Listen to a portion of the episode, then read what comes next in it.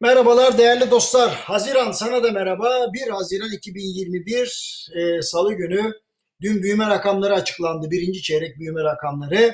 E, dün yazmıştım hatırlarsanız söylemiştim de %5'ten daha büyük açıklanacak büyük ihtimalle. Öyle de oldu. Tabii marifet bunu kestirmekte değil. Bundan sonra olacakları kestirmekte. Çünkü bu yılın birinci çeyreğinde hem sanayi hem hizmetler tarafında gözle görülür bir canlanma ve ciro endekslerinde net şekilde gözlemlediğimiz bir yükseliş vardı.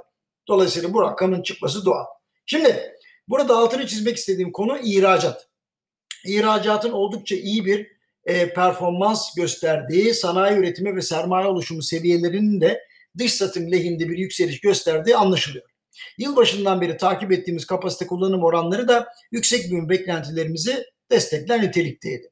Sanayi sektörünün büyümeye katkısı maalesef ülkede %25 civarında ama gösterilen üstün performansı alkışlamak da gerekiyor. Çünkü daha çok kamu harcamaları ve iş tüketimle ayakta duran büyümede dikkat edeceğimiz nokta sermaye stoğunda artış olup olmadığıydı. Şimdi müjdeyi veriyorum. Ümit ettiğimiz gibi artış var ve gelecekle alakalı da ümitlenmeye hakkımız var.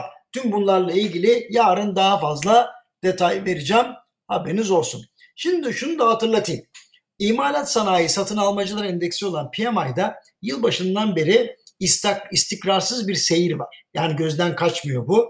Sermaye stokundaki gerçek artışı bulmak için genellikle yapı stokunu da dışarıda tutmaya çalışırız ama inşaat faaliyeti dünkü rakamlardan da anlaşıldığı gibi henüz toparlanmada değil. Dolayısıyla açıklanan rakam bize doğrudan doğruya sanayi sektörüyle alakalı kabaca bir fikir verdi. Demek ki işler fena gitmemiş birinci çeyrekte. Ama bakın e, ısrar ediyorum bu PMI rakamlarını yakından seyredin bir tuhaflık var. Şimdi ben büyümeyi hissetmiyorum diyenler var. Haklısınız. Eğer hatırlarsanız 2018'den önceki yüksek büyüme rakamı e, açıklandığı zaman işsizlik de yükseliyordu.